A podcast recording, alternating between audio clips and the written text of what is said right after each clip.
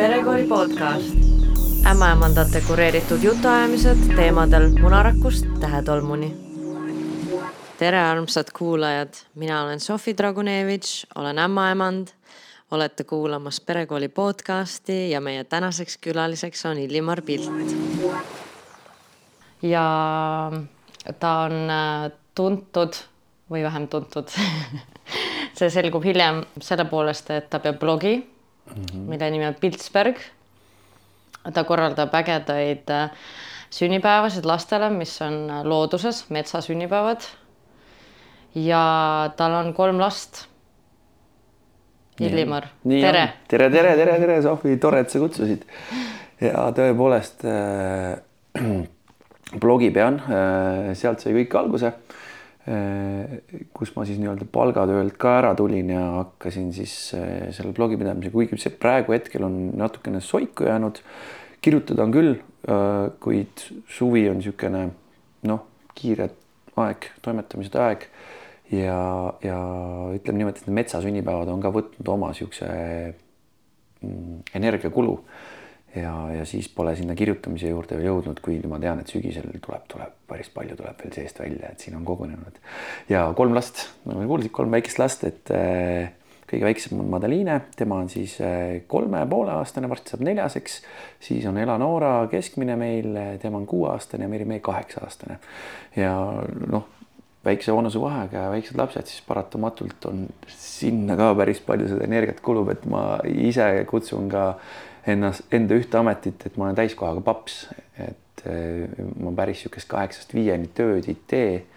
ja, ja siis mul õnnestub nagu nii-öelda rohkem lastele aega pühendada ja nende metsasünnipäevad on ju samamoodi, et enamus nendest ikkagi toimuvad nädalavahetusel. ja siis mul jääbki nädala sees rohkem aega tegeleda enda lastega aga räägi oma nimes, alias Pilsberg. alias Pilsberg, see on päris pull, et äh, nüüd nagu viimasel ajal, kuna me oleme hästi palju neid metsasünnipäevasid teinud ja ma olen mitmel üritustel käinud ja, ja, ja, ja siis ka igasugu podcast'id, asjad, siis päris mitmed inimesed nagu äh, imestavad, et oh, mis asja, sa oled Illimar Pilt või? ma mõtlesin kogu aeg, et sa oled Piltsberg, et seda nii nagu loogiliselt. ja see nimi tegelikult sündis siis nõndaviisi, et minu kallis kaasa Kadri Valsberg Äh, arvas siis nõnnaviisi, et kui me peaksime abielluma, on ju, et äh, et siis tema ikka seda pildinime nagu nii väga hästi ei, ei tahaks. noh, mõnes mõttes äh, pole mul sellega suuremat sorti probleemi ka, sellepärast et perekonnanimega pilt tegelikult mul nüüd veresugulast pole. et see on niisugune pikem story. see tuli ema esimese abikaasaga kaudu, kes on küll manala teed juba läinud, aga siis jäigi siis niisugune, niisugune, niisugune asi, et mina nagu ei tahtnud seda Valsbergi nime ka. Ma ütlesin, aga saame siis keskpaigal kokku, et paneme siis Piltsberg. Et paneme kaks nime kokku. Ja kui aus olla, siis tegelikult sellel kevadel juba eh, sai siis suheldud riigi instantsidega, et, muudaks siis perekonnanime ära ja hakkaks sinnapoole liikuma, et kus asi läheb siis ametlikuks. kuid kahjuks äh, Eesti riigi nimeseadusega see Pilsberg ei haaku, sest Berg on mm, välismaine nagu nii-öelda see sõna lõpp.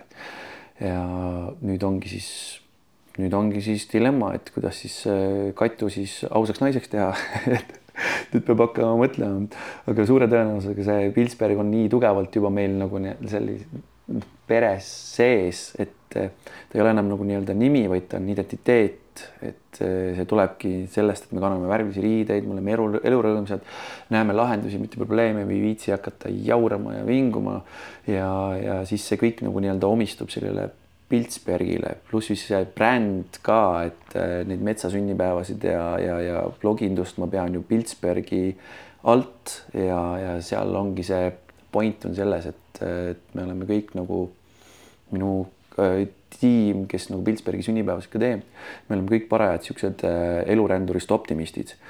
ja, ja niisugune imago ja asi selle Piltsbergiga sinna juurde käib, et suure tõenäosusega siis äh, isegi kui no Eesti riik ei anna mulle seda ametlikult, siis ma hakkan edaspidi kasutama ikkagi aina rohkem rohkem seda Piltsbergi. et ja, et see on justkui selline elu jaatav filosoofia on ju just, just täpselt, täpselt. et äh, ikka võtame need head nimed endale ise, on ju. aga kuidas sa siis äh, jõudsid ikkagi selleni, et, et tahadki nagu blogi pidada, noh, et blogi pidamine, ma olen alati mõelnud sellele, kuidas leida aega ja kuidas suhelda inimestega, kas inimesed kirjutavad sulle palju äh,? oleneb, oleneb äh, igasugustest nagu näiteks blogi puhul ongi see teemad, et, et kuidas ja mismoodi nagu haakub ma andsin siin kaks aastat tagasi välja raamatu ja siis kirjutati küll päris palju niisugust tagasisidet. eriti tore oli mul just äh, tunda seda tagasisidet meeste poolt, et seal raamatus ma räägingi oma meheks kasvamise teekonnast ja nendest laste saamistest ja asjadest. et see, need asjad nüüd haakusid küll. seal raamatus on ka päris palju mul nagu nii-öelda blogist noppeid võetud, äh, kuid natuke võib-olla teise nurga alt ja aga muidu see blogindus äh, sai tegelikult alguse nõnnaviisi, et kui ma panin nagu Facebooki mõne pikema mm, mõttetera, sest äh, ma ise lapsena kasvasin üksipäini ja lugesin hästi-hästi palju. minu põhimõtteliselt sõbrad ja kaaslased olidki raamatud, sest mul ei olnud lihtsalt lähedal naabrilapsi, ma elasin maal keset metsasid ja, ja lugesin palju ja siis tänu sellele nagu tuleb see kirjakeel hästi kuigi ma olen sündinud düsgraafik, mul on siiamaani paberite järgi, ma lõpetasin ka keskkooli düsgraafikuna, kuid unista suurelt ja raamatu pealkirigi mul on see, kõik on võimalik. et eh, kuidas ta nii-öelda välja tuleb ja, ja kui ma hakkan kirjutama, siis ma lähen äh, seisundisse, flow'sse, et ma lähen nagu kuskile teise maailma, samamoodi nagu sa hakkad raamatut lugema, siis sa kaod sinna maailma ära, sa lood endale selle fantaasiapildi. ja kui ma hakkan kirjutama siis ma kogen neid emotsioone ja tundeid palju nagu mõnusamalt, intensiivsemalt, kui ma näiteks kellegagi räägiks või jagaks seda.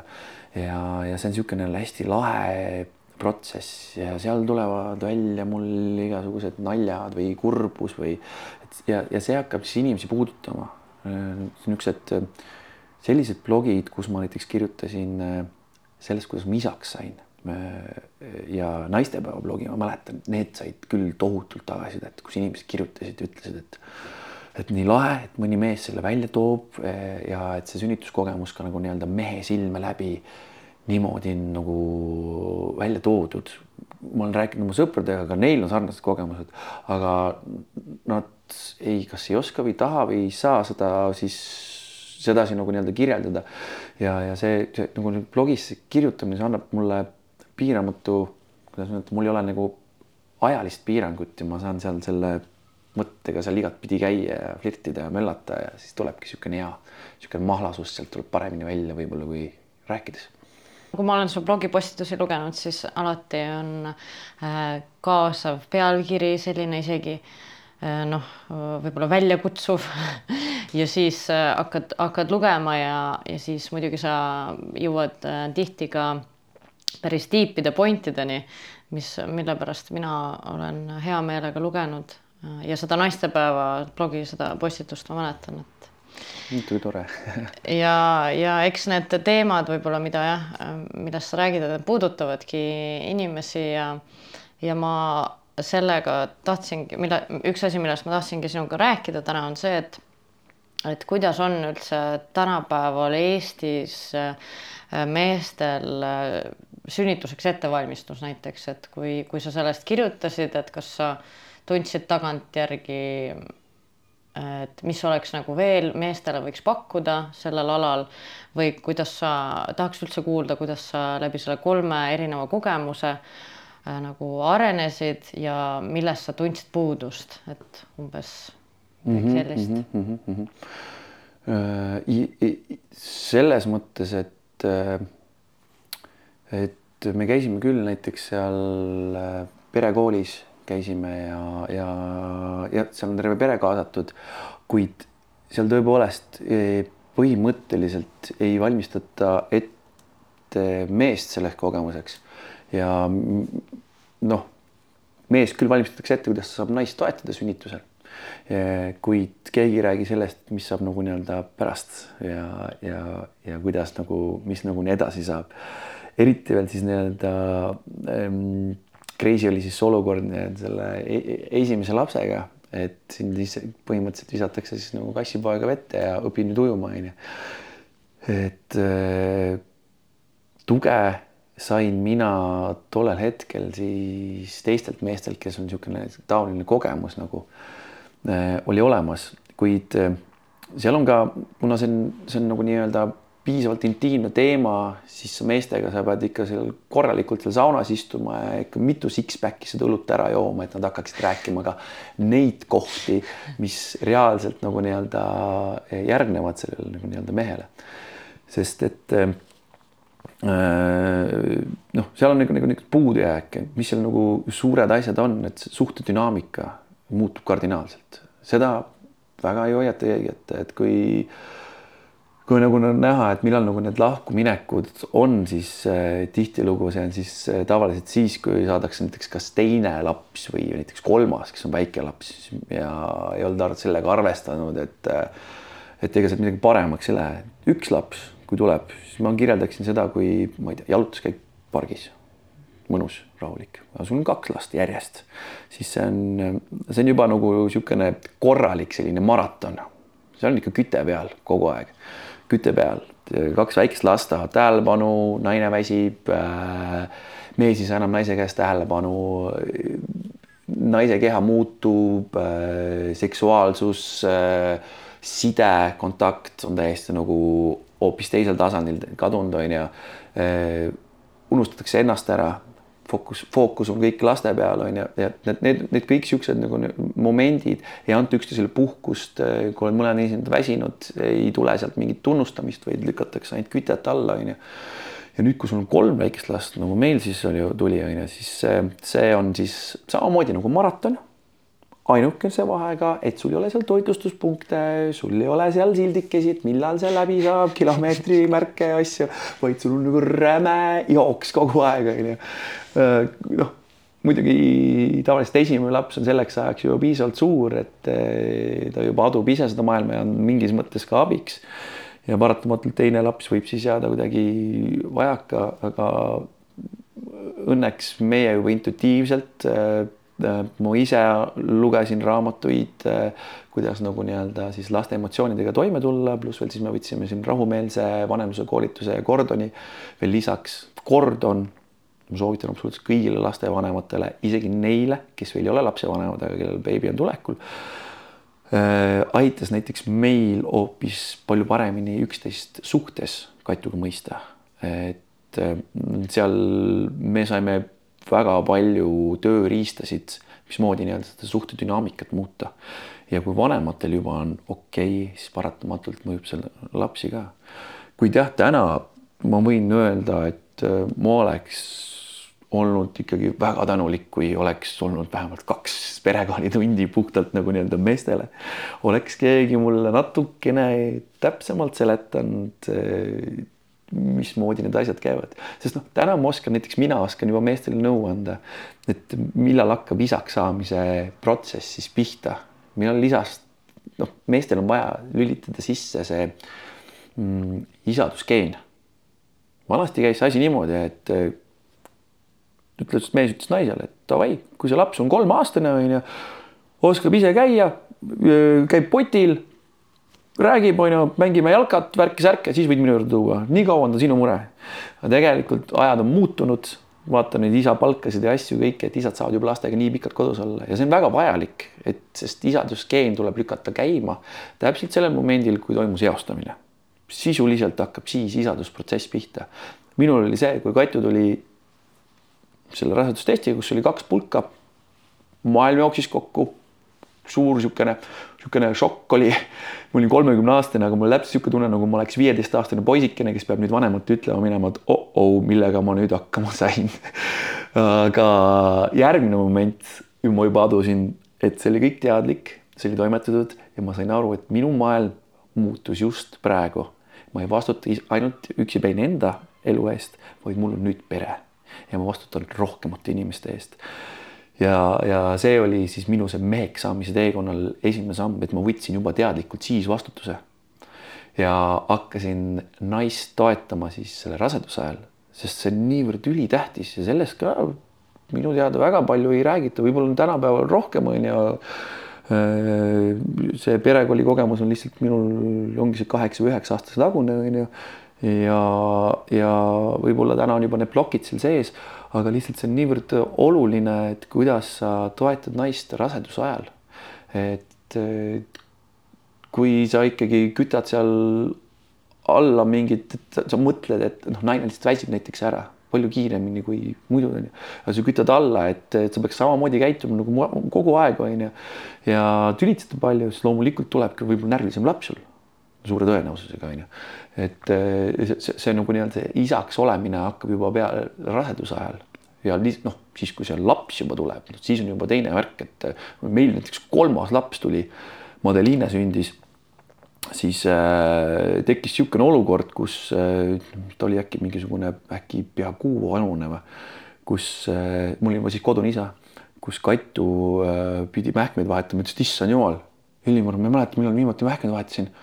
Ma vist ei oskagi. Et noh, see on natuke, natuke ülepaisutatud küll praegu onju, aga tegelikult oli küll niimoodi, et ma võtsin kõik äh, öövahetused endale, pluss siis mähkme, mähkmevahetused. noh, kui laps, väike laps öösel tissi tahab, siis mina seda anda ei saa, siis on ema onju, aga kui olid mingid gaasikad, midagi siukest, võtsin ma enda kanda selle, see juba selgus nii-öelda esimese lapse ajal, et äh, esiteks, mis juhtus, minu side lapsega kasvas. Teiseks sai ema välja puhata, kes on niikuinii temaga koos sellel ajal, kui mind näiteks kodus ei olnud. ja mida rohkem naine puhkab, seda rahulikum ta on, seda rahulikum on meie suhe, seda rahulikum on tal suhe lapsega ja selle triki ma taipasin ära.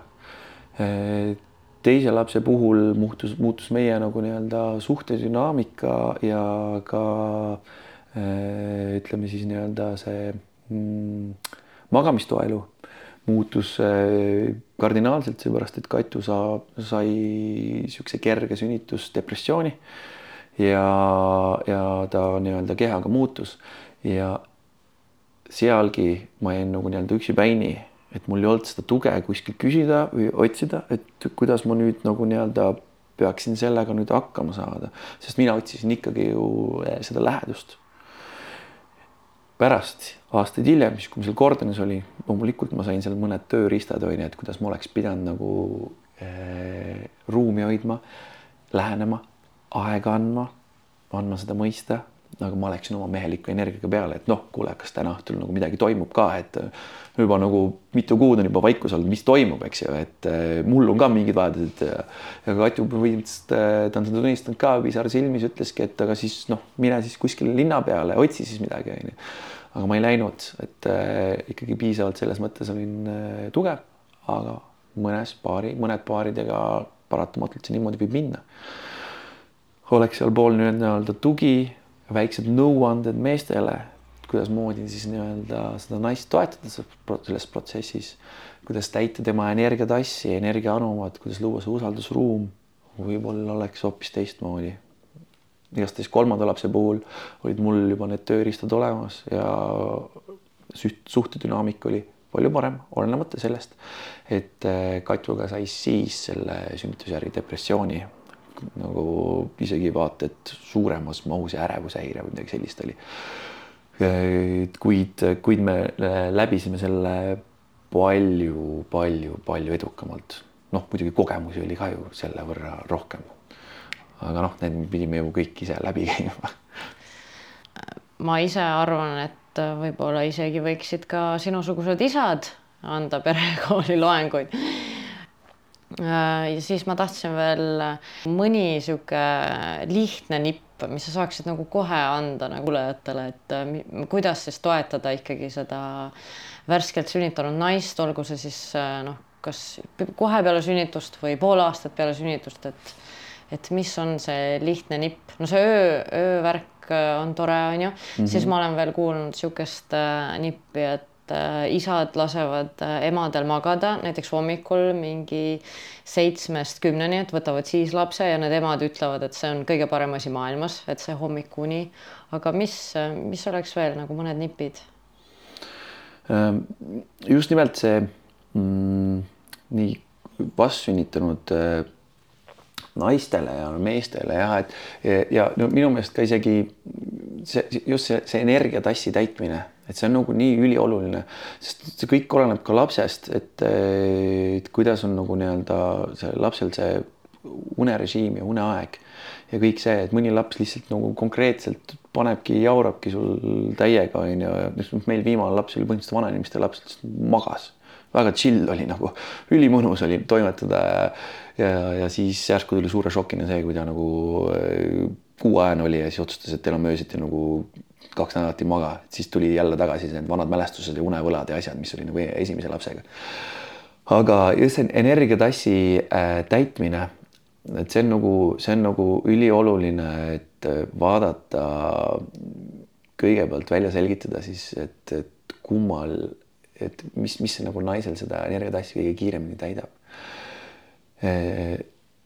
kindlasti ei tohiks olla siis mingisugune tühipaljas scroll imine kuskil, äkki see on jalutuskäik, äkki see on sõbrannadega chat imine, lähed istudki kohvikusse maha ja võimaldada see asi.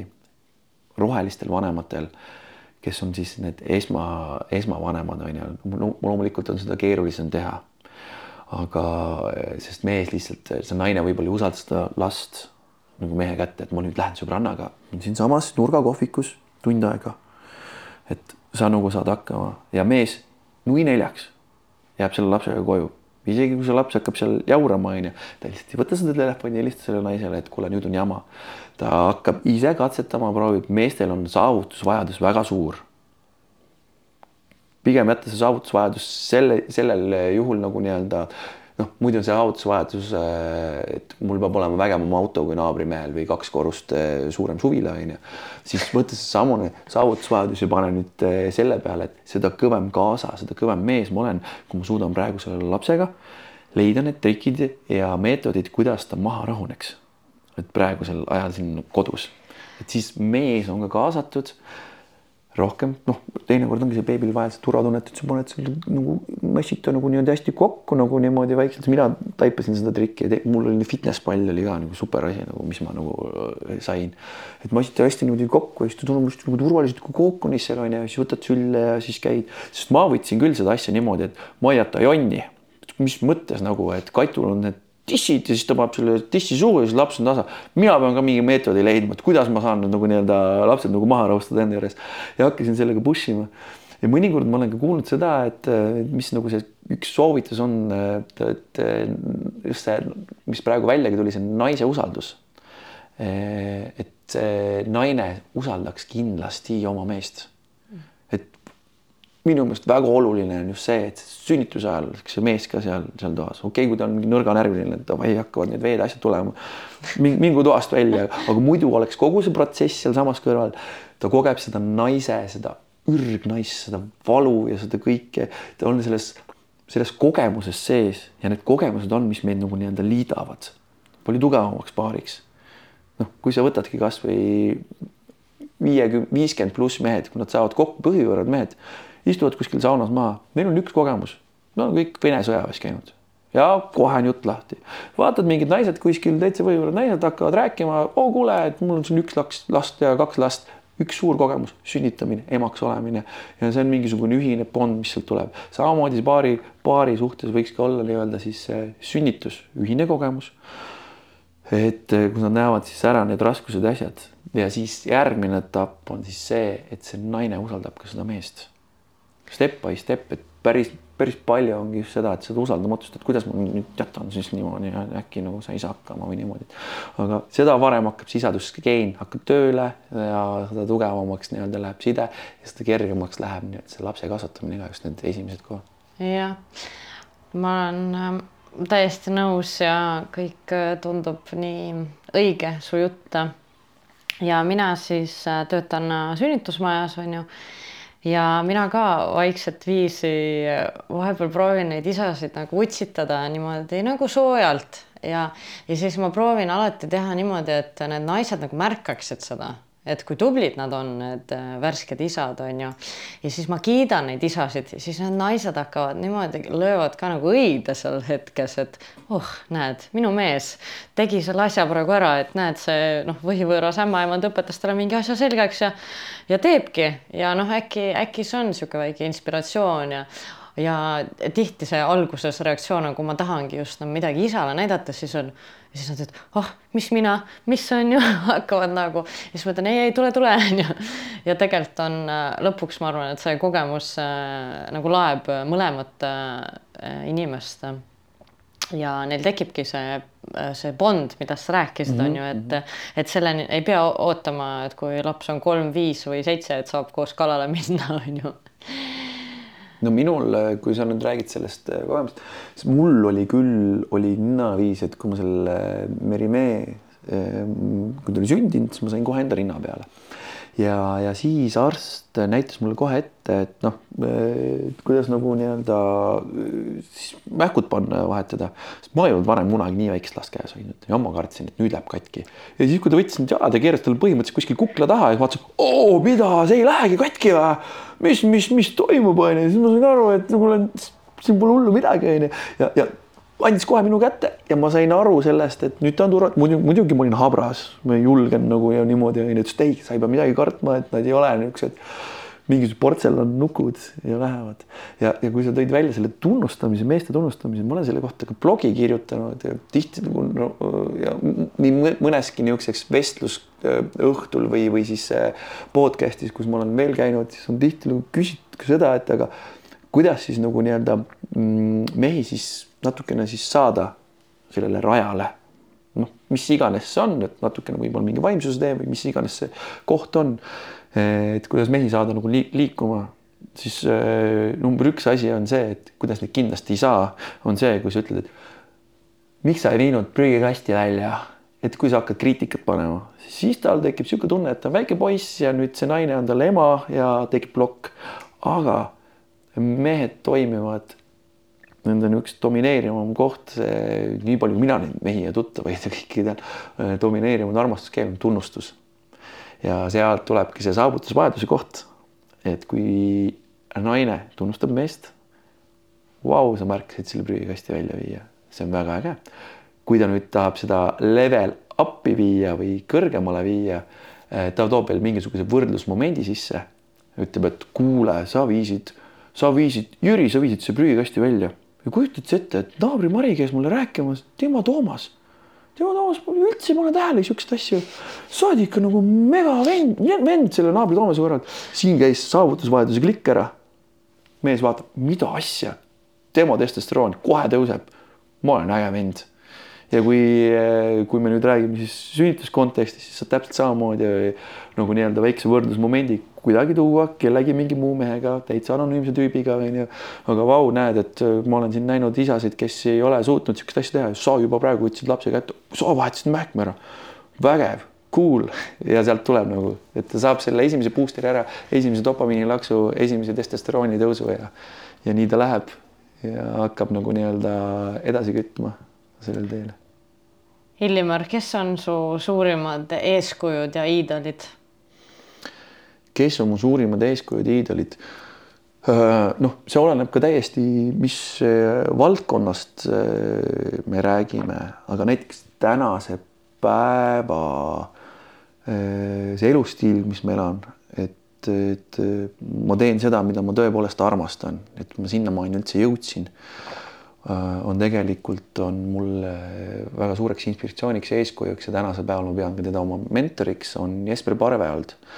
et äh, just nimelt see, et mul tekkis see julgus äh, palgatöölt ära tulla ja hakata ettevõtjaks. et seal ma pean küll nagu, nagu väga-väga-väga suureks nagu nii-öelda eeskujuks. aga näiteks isadusteekonnal on minu suured eeskujud absoluutselt need isad, kes oma lastega tegelevad. sest ega see blogindus sai ka mul alguse tegelikult sellest, et äh, kus ma hakkasin siis äh, see põhiläbiv teema oli, oli siis äh, kvaliteetaeg lastega. ma sain, noh, ma elasin niisuguses mõnusas mullis, kus ma sain aru, et mina ju tegelen nendega kogu aeg on ju, see on kõik cool ja lahe on ju, aga kõrvalt hakkasid signaalid tulema, et kõik mehed ei tegele ja pärast, kui ma olin ühes lasteaias, olin müramisõpetaja ja mul avanes niisugune võimalus, et äh, kus mul oli sada kakskümmend last oli lihtsalt niimoodi järjekorras, tahtsid kõik keeru-keeru saada, maailma kõige lihtsam asi. ja siis ma hakkasin nagu nii-öelda neid keerutama ja siis mõtlesin, et okei okay,, aga ma panen selle enda kasuks siis mängima, et ja ma küsisin nende iga lapse käest, et kuule, noh, ma teen keeru ära, et kes sul pärast kodus keeru teeb või kas sul üldse tehakse. Ja iga kümnes laps ütles, et, et neil teeb kodus kas siis issi või emme teeb keerut onju, aga üheksa. Ütles, et meil ei tee keegi keerut, sina teed. ja see tegi nagu meile väga kurvaks. Ja siis ma sain nagu veel rohkem tuult alla, et davai, kütame ka peale onju ja möllame. Et äh, kui nüüd avaliku elu tegelastest või niisugustest, kes mul on täna nagu silma jäänud, kes nagu oma lastega nagu väga ägedalt tegelevad, siis mul väga hea tore sõber Lauri Pedaja näiteks ja kes toimetab lapsega ja, ja näitab seda ka nii-öelda siis sotsiaalmeedias, mis on nagu nii vajalik, et nagu nii-öelda näidata seda poolt ka, et kuule, et ma nüüd lapsega mässan siin ja seal on ju, ja siis on niisugused lahedad tegelased nagu nii-öelda Asko ja Merill, kes kes võtsid ühe mingisuguse saate, mis oligi see naabrist parem vist ja, aga nende Instagrami kanalit tasub jälgida, sest eh, see on ikka ilma filtrita. Eh, praegu laps on kolmekuune ja kui seda nagu vaadata, siis eh, seal on nuttu ja seal on palju nuttu ja seal on kakat ja kõike niisugust, mis on nagu reaalne päris elu see on nagu väga hea ettevalmistus nagu nii-öelda vanematele, nende nagu ideaalmaailmas, ideaalplaan oli natuke midagi muud, kui nagu nii-öelda see reaalselt välja tuli. Aga nad näitavad nii-öelda katsumusi, kuidas nad sellega hakkama saavad, kuidas Asko eh, selles nii-öelda isalduse teekonnal osaleb, see on väga-väga-väga massiivselt äge ja inspireeriv nagu nii-öelda vaadata ja ja tõesti suur au ja kummardus, et nad eh, niimoodi seda teevad, et nagu nii-öelda avalikult ja seda kõike nagu nii-öelda jagavad ja, ja näitavad ka neid murekohti, et kõik ei ole trillala-trullala, mis seal Instagramis toimub, et muidugi me tahaksime näidata oma seda klantsi ilusat elu. Aga meiegi samamoodi näitama ka, et kui ikkagi laps viskab põrandale, kuskile poe põrandale, viskab pikali maha, ütleb, et no way, tema nüüd ei ole nõus siin rohkem enam oma teekonda jätkama, siis mul ei ole kahju seda ka näidata seda poolt äh, Instagramis. Ja tavaliselt tuleb alati hästi palju tagasisidet ka siis nii-öelda siis jälgijate poolt, kes ütlevad, et tead, ma samastun ja ma tänan sind, et sa näitad ka seda, seda päriselu, sest see annab mulle nii palju jõudu, et ma näen, et ma ei ole üksipäini siin maailmas. sest äh, meil on tihtilugu see valehäbi või, või tabu, et aa, laps nüüd jonnis või nutab, onju, avalikus kohas, mis ma nüüd teen? tal on, tal on õigus oma tundeid näidata, ta ei oska neid veel ju valitseda. Et äh, ta ei saagi sinna midagi parata, järelikult tal on mingisugune suurem jama. Ja tänu sellele, et ma olen lõpetanud rahumeelsed, need vanemluse, need koolitused, asjad, siis ma tean täna, et üheksal juhul kümnest ei ole seal jonni taga see, et laps tahtis jonnida. seal on alati mingisugune muu põhjus, mingisugune muu muster, mingisugune muu indikaator kas tal on emotsionaalselt keeruline, kas ta on väsinud, on tal kõht tühi või mis iganes see asi on, onju, aga lihtsalt ta ei oska teistmoodi väljendada. ja siis ei tasugi seda nagu nii-öelda häbeneda ja siis noh, mina ütlengi, et jumala pärast, et ärge seda kartke ja noh, ühesõnaga me läksime nüüd praegu lappama selle küsimuse juurest, et eeskujuks on ju, siis ma ütlen ausalt, et kõik isad, kes oma lastega tegelevad, on minu meelest super papsid ja suureks eeskujuks ka mulle inspiratsiooniks, kõigile teistele ka. Ja kes julgevad seda nagu nii-öelda väljaspool kodu ka näidata, see on väga vajalik, et eh, sealt saavad ka teised isad nagu nii-öelda tuhinat, et see on täiesti normaalne, see on täiesti okei. Okay. Äh, noh, mul resoneerub see teema või noh, üldse mõtlen, et me inspireerume teistest inimestest et ma näen ka elu kui, kui elukestvat õpet mm, -hmm. et kogu aeg on midagi õppida, kogu aeg on midagi äh, kogeda ja, ja kui teised inimesed äh, sind inspireerivad ja kui sa suudad sellest nagu äh, õpp, õppust võtta isegi siis, kui sa ei ole võib-olla sellel hetkel nagu seal ja kui sa nagu mõtled, et oh, et ta teeb midagi toredasti, et tahan ka nii või et, et äh, ma ei tea, siis ongi niisugune elus tunne, et nagu elad et, et mitte, et nagu leppida, et okei okay,, nüüd mul on nii, on ju, mul on nii raske ja, ja nagu noh, ongi rassid ja rassid ja muidugi eks noh, see elustiili küsimus on ka, et kui, kas sa käid, et ma ikkagi väga mõtlen nende vanemate peale, kes noh, nagu üheksast viieni on tööl, on ju, siis tuled, noh, emad vaaritavad, on ju, siis isad võiksid veel nende lastega mängida, on ju, et kuidas see kõik välja näeb, et kui palju energiat inimestel on, et seda teha, et et sinu elustiili puhul ma ei tea, kas sul on rohkem energiat, mulle tundub, et sa oled lihtsalt nagu plahvatad energiast. võib-olla on lihtsalt need värvilised riided aitavad äkki kaasa sellele. no seal on, ma olen kirjutanud, kirjutasin raamatus ja blogis ka sellest, sellel samal teemal, et noh, viimase lapsega ma olen nüüd saanud sealt kodus, kodus, kodus isana olla, aga esimese lapsena, eks ma pidin ka käima läbi selle teekonna et kuidas nagu nii-öelda selle mõistmiseni saada, siis äh, kaheksast üheksani, kaheksast viieni töö on ju. ja, ja ma tulen töölt koju, mina tulen ju oma lahinguväljalt, ma olen sinna tööle pannud kõik, et hoida seda peret ja seda majapidamist üleval. ja siis ma tulen, astun uksest sisse uh,, ma olen nüüd kodus, nüüd ma saan nagu diivanile lösakile visata ja mulle pannakse laps kätte. mida paganat, mis toimub? ja siis aga kodus oli mul naine lahinguväljal täpselt samamoodi ja ta küttis. ja kui mina seda last praegu hetkel ei võtaks, onju, siis tema paneks mitte ainult kaheksa tühjani, kakskümmend neli, seitse, kütaks edasi, onju. ja, ja ma avastasin siis, kui natuke lapsed olid juba suuremad ja selle kvaliteetaja veetmise lastega mürgeldamise äh, avastasin, et äh, see asi, mis nagu sa tuled koju, siis sa lükkad need lapsed nagu põhimõtteliselt eemale. ma olen väsinud, ma olen energiast tühi. ära roni mulle selga ja niimoodi, mida rohkem sa eemale lükkad, seda rohkem tegelikult nad ronivad, kuni ühel momendil nad ei tee üldse seda. ja siis pärast kuuekümne seitsmeselt mõtled, et oh, miks mul lastega mingit sidet pole, miks nad mul jõulude ajal mul külas ei käi ja mis toimub, onju. see saab kõik alguse sealt sellest lapsepõlvest kuid kui sa mõtled seda asja teistmoodi, et okei okay,, nad tulevad, nad tahavad sinu energiat saada, isa energiat isad mürgeldavad lastega tunduvalt vabamalt, need piirid on palju kaugemal kui emad, emadel tekib mingi ohukoht on ju. ja mingi teatud niisugune mm,, see on äkki ohtlik ja me peame nüüd vaatama niimoodi, et papsid võivad hullu panna. kui neid metsasünnipäevasid teen, siis ma ikka vahest on niimoodi, et need papsidega seal koos ronime puu otsa ja isa ütleb lapsele, et oh, sa saad ühe oksa veel minna, ema karjub. toimu, tule alla, tule alla, sa oled juba liiga kõrgel. isa ütleb, mis asja, pane veel üks oks onju et eh, mina avastasin jah selle asja, et kui ma tulin sealt kaheksast või tähendab viiest koju onju, ramp väsinud ja siis see laps ronib mulle seal selga. et okei okay,, ma siis lükkasin ta ära, ma siis keerutan, mürgeldan, puksutan sul nabasse teen sinna kõike möllu. ja täitsa uskumatu asi juhtus. ma sain energiat juurde.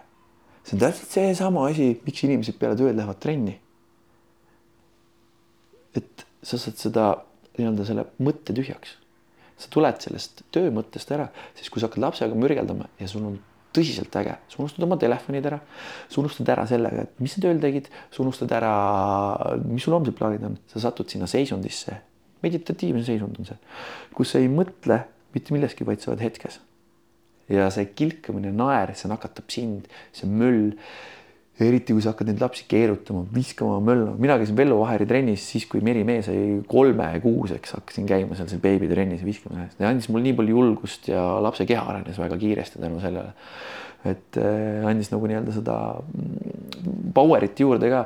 Ja siis ma avastasingi selle triki, et pool tundi lapsega mürgeldamist kodus võrdub sama, mis tund aega kuskil jõusaalis rassimist. Ja naine on rahul, sina oled rahul, laps on rahul sul on see trenn, sul on see mõtted puhtaks, absoluutselt kõik siuksed asjad, paned koos legosid kokku, joonistad. ma olen olnud seal nendes kodukohvikutes koos mõmmikarude ja värkidega lugematud korrad juuksuris, mul on tehtud full make ja kõik siuksed asju, et. et noh, kolm tütart, mis varata on, me oleme onne ehitanud ja kalal käinud ja kõike siukest asja, et me oleme poiste asju samamoodi teinud ja mõõkasid valmistanud ja, ja mis iganes nagu nii-öelda pähe tuleb. aga sa lihtsalt võtad selle hetke võtad selle kvaliteetaja eh, ja hakkad seda tegema, alguses see võib tunduda nagu nii-öelda raske, aga nagu nii kui sa oled selle saanud enda harjumuseks on ju, sa avastad, et see annab sulle nii palju, palju tagasi. sa maandad need lapsed ära, nad ei ripu enam sul seljas. Nad saavad sinu energia kätte ja on nagu nii-öelda palju see parem küte ja mõnusam.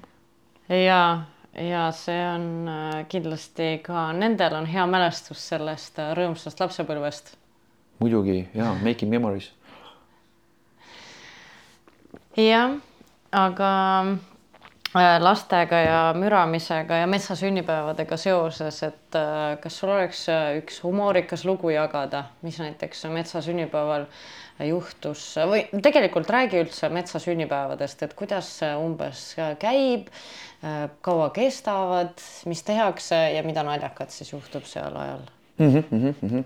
okei okay. mm metsa sünnipäevad, nagu nimigi ütleb, toimuvad metsas ja kestvusaeg tal tavaliselt ongi, et ähm, me oleme vaadanud, et selline kaks kuni kaks pool tundi. muidugi me oleme ka maratonüritusi teinud, kus ongi, ongi klient tellib, et äh, laps on rahulik ja ta tahab kulgemist. minu kõige pikem äkki oli vist äkki kuus tundi või ja, ja siuksed nelja-viietunnised ma olen ka teinud aga niisugune kaks tundi ja alates siuksest neljandast eluaastast kuni kümnenda eluaastani on siis see ampluaa, mida meie püüame. mida me selle lapsega seal metsas teeme, on nii, et et ega see sünnipäeva mõju, eh, see ei ole ainult see hetk, mis seal nagu nii-öelda lapsega toimub. et me põrutamegi sinna metsa ja esimese asja me näitame siis ära sellele lapsele, et see on eh, loomulik mängukeskkond see ei ole see koht, kus kohe tulevad, kargavad sulle mingid marutaudis rebased kõrri ja puugid imevad sind imekähku verest tühjaks onju.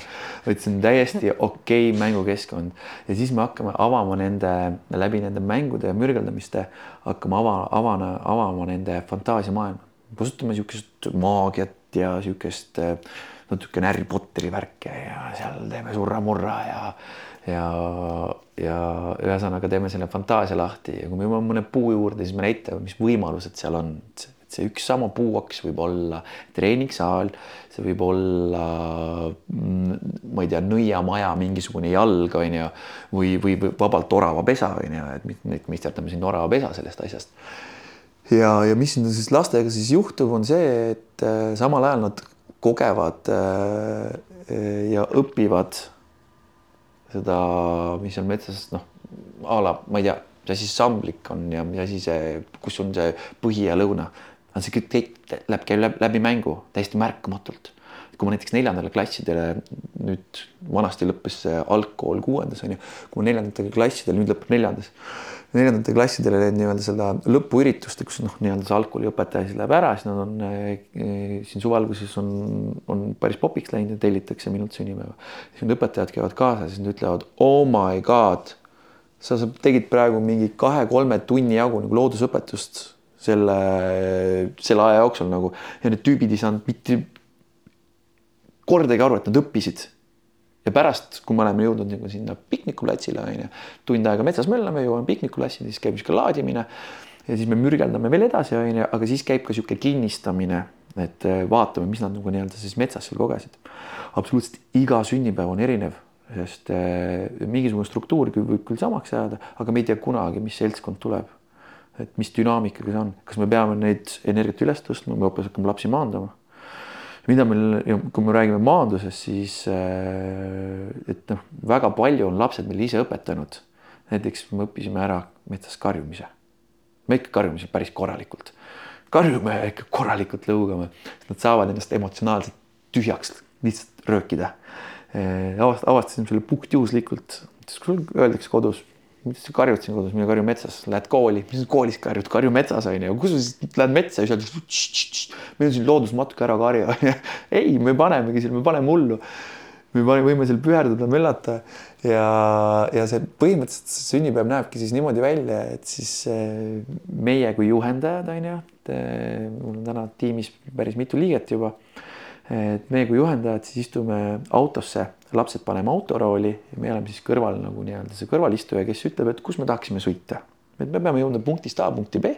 aga see, kuidas seda rooli keeratakse, mis tee valitakse, see on suhteliselt väga palju laste enda teha. ja nii hakkavadki juhtuma nii-öelda need mängud mis selle metsasünnipäeva siis üks niisugune kõrvalmõju on, on see, mis ma olen vanematele ka öelnud, et eh, võib põhjustada enneaegset magamajäämist nii lastel kui vanematel. ja, ja teine kõrvalmõju on see, et eh, me tõmbame nad eh, välja siis ekraanidest. et miks me peale kümnendat eluaastat väga palju neid sünnipäevasid ei tee, on see, et see meie jaoks kadunud põlvkond meil on väga raske seda last sinna nagu nii-öelda tagasi saada sinna mängumeelsusesse, sest sealt hakkab pihta selline eelpuberteet, ma tahaks olla juba nagu täiskasvanud, aga samal ajal nagu laps ka ja niisugune tilberdamine selle vahel. Ja teine koht on see, et et nad on nii sinna nutimaailmasse ära kadunud. Ja et see on niisugune nagu väga raske on nagu sealt välja neid nagu nii-öelda tõmmata selle fantaasia ja kõigega. Aga kui need kaheksa-üheksa-aastased seal on, kes on ka juba nutimaailmas, siis on nagu väga äge näha. Et kui ma olen korduvalt, näiteks ma olen teisel sünnipäeval juba näinud, mingi seltskonnad klapivad, siis ma olen vanematelt sealt tagasisidet ja küsinud, et mis nagu toimub, siis tavaliselt on see statistika siis niisugune, et kuskil nädal või kaks siis väheneb siis see nutiseadmes või ekraani aeg sest laps tahab olla rohkem õues, tahab olla rohkem sõpradega, tahab seda kogemust edasi jagada. ja kui keskkond seda võimaldab, ehk siis vanemad on heaks eeskujuks, lähevad lapsega koos sinna RMK alale või, või käivad ka koos seal metsas mürgeldamas, möllamas, mitte ei istu kodus ja ei scroll'i Instagrami onju, siis see mõju võib veel, veel kauem kesta. See on nagu praegu kõlab nagu selline potentsiaalne kaasaegne uuring, et kuidas mõjub loodus alla kümneaastastele lastele. Ja ja, ja mis nagu, nagu lahe on, kui me räägime nüüd, see on siis nii-öelda see äh, vaimne pool nagu on ju, et mis juhtub see, kui nad avastavad seda, et neil on enda fantaasia ja nad saavad ise hakata nagu nii-öelda neid mänge, seda keskkonda mõjutama ja, ja välja mõtlema on ju.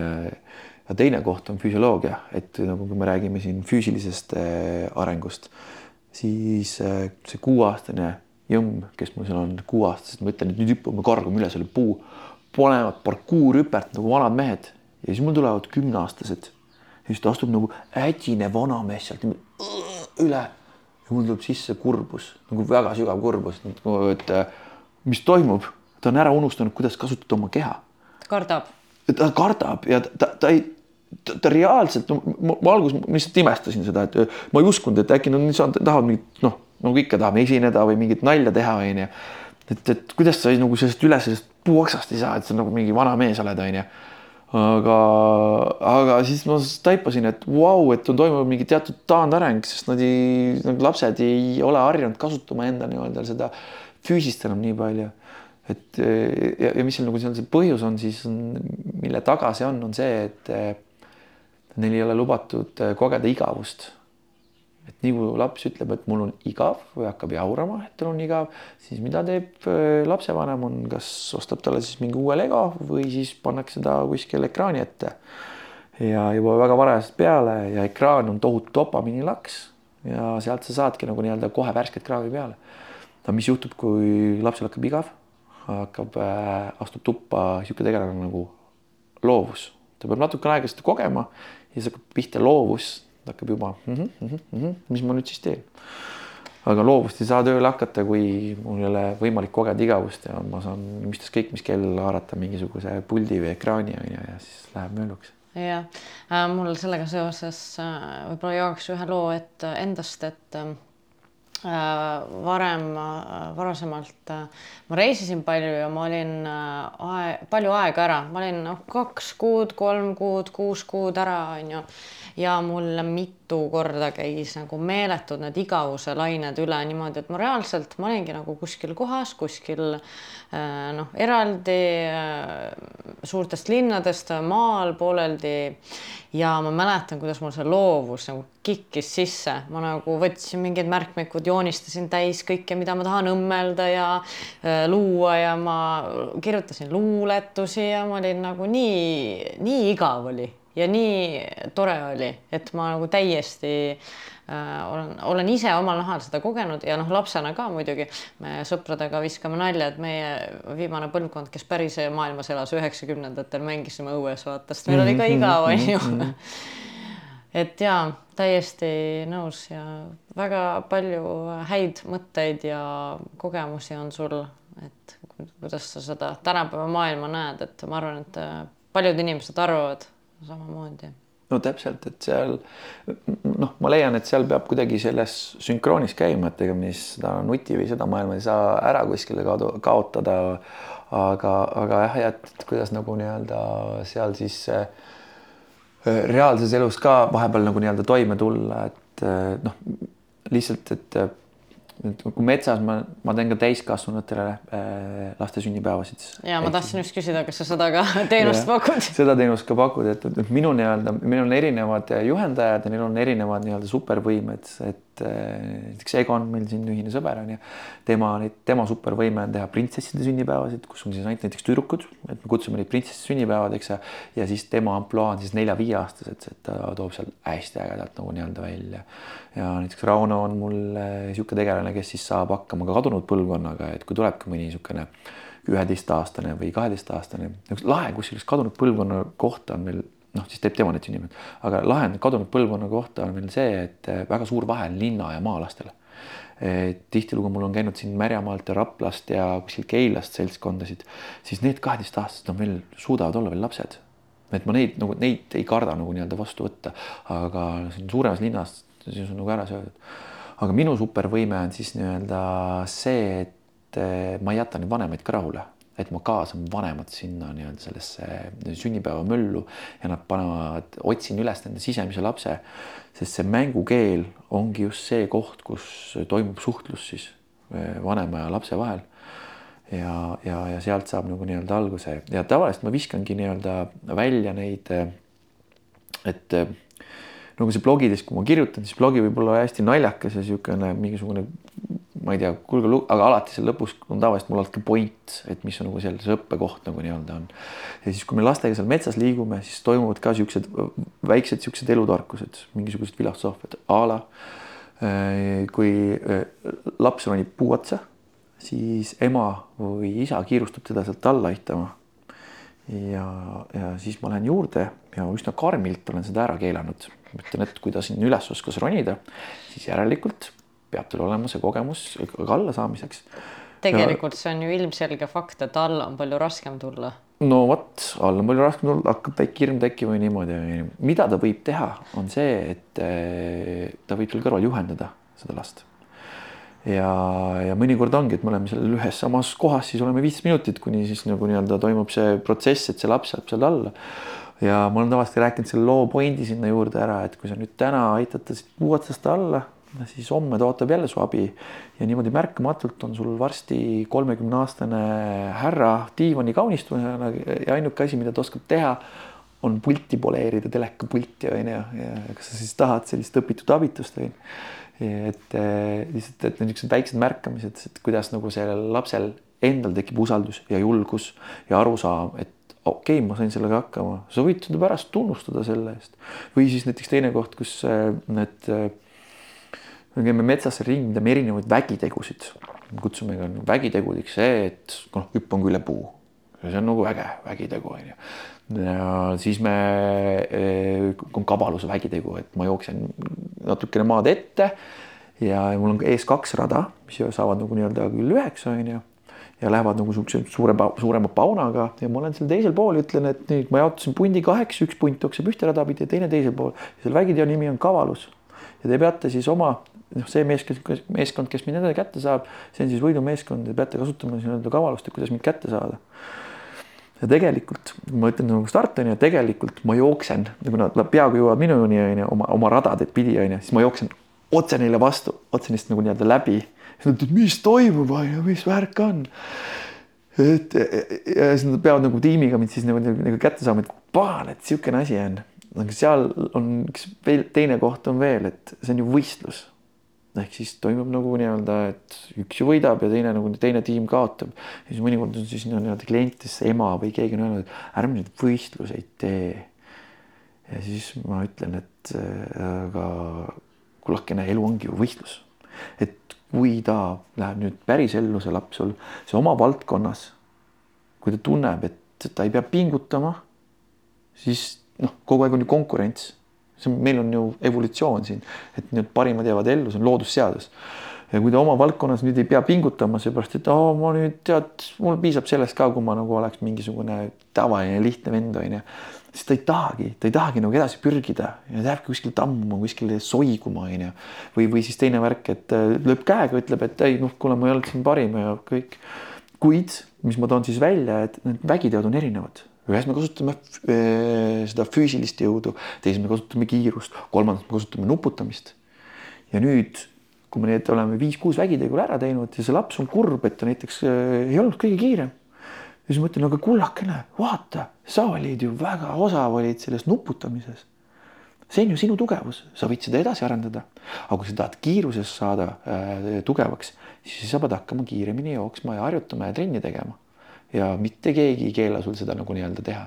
ja siis sealt ta saabki jälle mingisuguse uue elutarkuse, mingisuguse uue asja, et oh jaa, et aga see ei ole üldse võimatu, see on täiesti võimalik ja, ja, ja edasi minna ja mõni jah, noh, ühesõnaga siukseid teemasid ma sinna viskan nagu sisse nagu. nii äge ja kuidagi armas on seda kuulda, et, et sa nii nagu hingega teed seda ja just, et sa ei tee lihtsalt nagu noh, lihtsalt mingit mängu, vaid et see on nagu päris selline nagu eluline, et need väiksed inimesed ja need suured inimesed saavad nagu enda jaoks midagi nagu kaasa võtta, mingi sellise inspireeriva mõtte Mm -hmm. ja mhm. võib-olla need väiksed inimesed ei adugi seda, et nad ei saagi võib-olla aru sellest, mis see oli, aga mingi hetk nagu tuleb neile, oo, aga et, aga see, mis ta ütles või et, et et äkki tõesti, äkki ma... tõesti ma olen selles hea, et ma võiksin seda veel nagu proovida.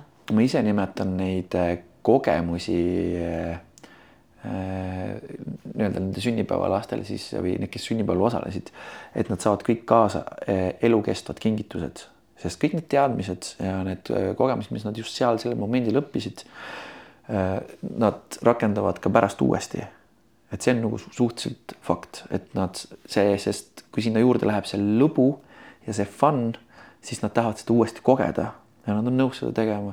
ja sellepärast on ka vajalik, et need sünnipäevaseltskonnad varem, me oleme katsetanud, tänaseks päevaks me oleme nagu nii-öelda üle kuues ürituse teinud, et meil on päris palju nagu kogenud see tähendab seda, et keskmiselt kuus tuhat last oleme metsa viinud. ja kuus tuhat tegelikult ka välja toonud, mis on päris hea tulemus, et kuus tuhat välja toonud. aga mis on nagu nii-öelda sealt nagu välja joonistanud, näiteks see grupi suurus ja, ja kes seal grupis on et äh, muidu, kui sa teed laste sünnipäevad, siis nagu kutsun kogu rühma onju, siis mul need sõbrannad ja kutsun need ja need onju. ja tegelikult nende sõbrannade laste, lastega näiteks laps üldse ei bondigi, üldse ei mängi tegelikult reaalselt koos ja siis ma olengi klientidele öelnud, et see rühma suurus peaks olema kuskil viisteist last. et ma olen ka teinud seitse-kaheksa last, mis on, see läheb eriti nagu sügavale nagu, siis ma saan nad kõik nii hästi kätte. aga selline kaksteist last on ideaalne. Ja, ja olen ka pannud südamele, et tead, ära tee seda suurt sünnipäeva, et esiteks see lapsel on nagu kurnav, stressirohke, et ei su suuda kõigi lastega nagu korraga mängida. Ja, ja et tead see väike sünnipäev. Ja hästi oluline on see, et sa kutsuksid kohale need lapsed kellega laps päris, päris, päriselt ka mängib igapäevaselt või, või siis noh, kui mitte igapäevaselt, siis vähemalt kellega ta mängib, onju. sest siis ta hakkab seda kogemust edasi kandma. siis need mängud saavad uuesti hoo sisse, aga kui on terve hunnik sõbrannade lapsi, onju, kõik oli tore, aga järgmine päev nad ei näe võib-olla ja lähevad kõik laiali, nad ei näe võib-olla jälle pool aastat üksteist, siis ei saa see energia enam hoogu sisse. ei toimu nagu nii-öelda seda, seda väge, mis sinna taha tuleb ja need väiksed lapsed lihtsalt, nad on nagu jõhkrad käsnad. et äh, kui ma mm, alustan nüüd sünnipäevasid, et kuidas ma need vanemad sinna kaasa saan, kaasama, me teeme päris tobedaid asju seal vahepeal nagu nii-öelda lastega, et see al algustrenn näeb, näeb või soojendus näeb välja nagu ähm, kehalise kasvatuse äh, tunni algus ja klounide kooli eksam et kui sa nüüd kokku nagu paneksid, mingid keeled suust väljas ja niisugused nagu vanemate jaoks nagu piinlikud asjad, mida nagu ma ei julgeks nagu teha, sest äkki teised annavad mulle hinnanguid. kuid oluline ongi see, et kui ta seda teeb, see vanem koos selle lapsega, siis laps näeb, vau, sa oskad ka mängida. Ja vanema jaoks on oluline see, ta tunneb, et kuule, aga see ei olnudki piinlik, sest teised tegid ka.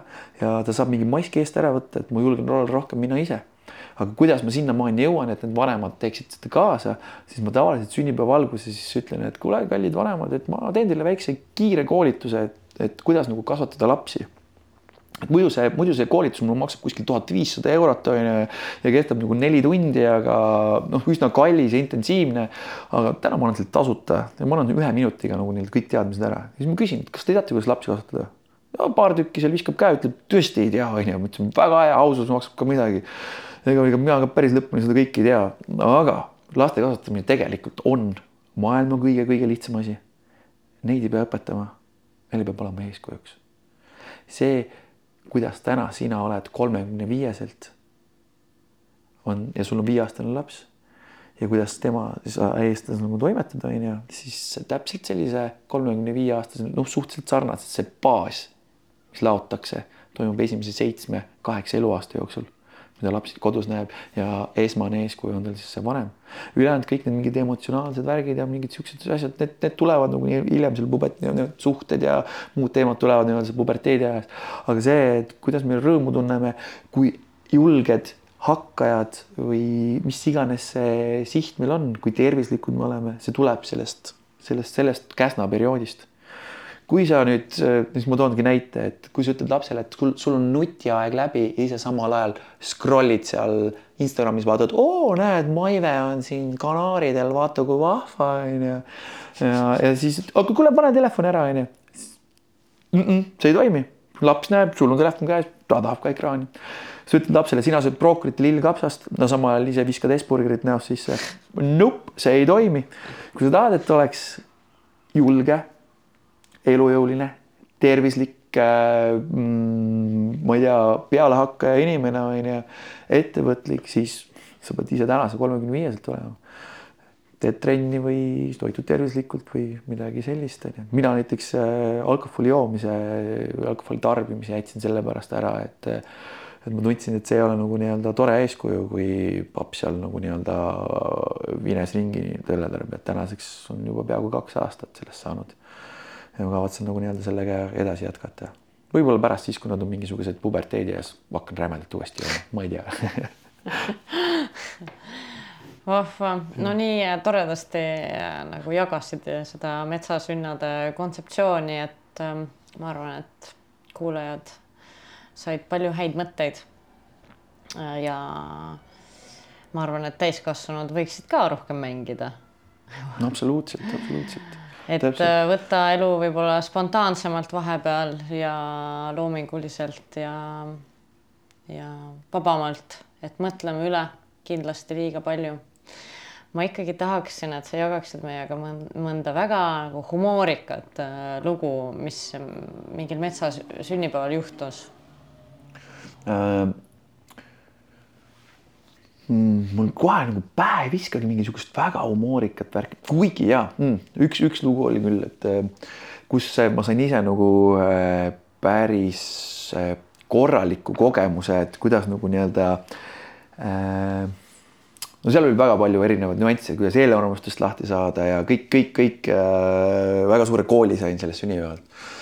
toimus niisugune sünnar viieaastastele lastele, kus oli siis ka paar vanemat last sees ja metsa sünnipäeva alguses mul on eh, kaks ülitähtsat reeglit.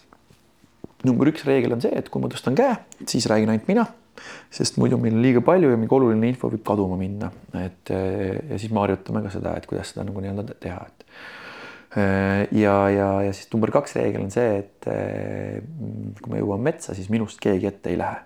et see on nagu väga oluline reegel, sest mul on väga suur vastutus nende laste näol on ju ja võib keegi kaduma minna kuskilt ja, ja, ja, ja sellel hetkel mul ei olnud veel kolmandat boonusreeglit. Läksime siis metsa ja kambas oli meil üks härra, kes oli üheksa aastane ja see härra tundis, et tal on nagu rohkem nagu tähelepanu vaja. ja ta haaras kaks tüdrukut kaasa, pani võdinal ette, siis ma läksin, keelasin ta. tundsin, kuidas mul vererõhk tõuseb. ja natukene, natukese aja pärast me seal tegime mingit bugi-bugit onju ja võttis uuesti mingisugused kaks jõmmi kaasa ja pani punuma, aga me pidime keerama vasakule, aga tema pani otse edasi. ja ma olin juba korduvalt teda nagu nii-öelda proovinud tagasi saada, igatpidi kasutanud mingeid trikke ja asju. vanemad muideks kõndisid kaasas seal tagapool äh, meiega. ja siis ma sain päris, päris pahaseks kohe kutsusin poisi enda juurde, ütlesin nüüd tänasest päevast on meil kolmas boonusreegel ka, et kes kahte esimest reeglit eirab, see arvest-, arvestatakse sünnipäevast välja. et sinuga on nüüd kahjuks niisugune lugu, et sa nüüd pead sinna täitsa taha minema ja keegi vanematest viib sind autoparklasse ja sa ei saa rohkem sellel lõbul kaasosa, kaasas osaleda. ja kutt võttis päris tõsiseks, päris tõsiseks, ta sai aru, et tegelikult see on ju päris äge ja lahe, et mis ta teeb, onju, ja, ja et pole nagu mõtet sellele unule vastu jääda. ja siis ta vahepeal rääkis seal vanematega seal taga ja, ja, ja siis äh, vanemad tuli minu juurde ja sünnipäeva lapse emale ütlesin ka, et nüüd on niisugune lugu, et vaata, ta eiras väga-väga karmi reegleid, onju. et lihtsalt see asi läheb meil väga lappesse ja mul on väga suur vastutus ja kõik. ja siis poiss tuli ja palus vabandust. mul oli ikkagi kogu aeg oli niisugune värin sees ja mõtlesin, et saaks juba see üritus nagu nii-öelda läbi ja värgid ja eks niisugune paha olla ja. ja mis siis juhtus, oli see, et sünnipäeva teise osa, see kutt oli nagu miiska ta oli seal, ma andsin talle pärast noa, me tegime mingid, voolisime mingeid puid, et sellega dokisaiasid pärast teha, onju. ja kuulas hoolega, oli hästi niisugune tore ja kena ja, ja sünnipäev sai läbi. jõudsin koju, ma olin ikka emotsionaalselt veel niisugune habras ja veits katki, siis võttis tohutu energiat mult, onju.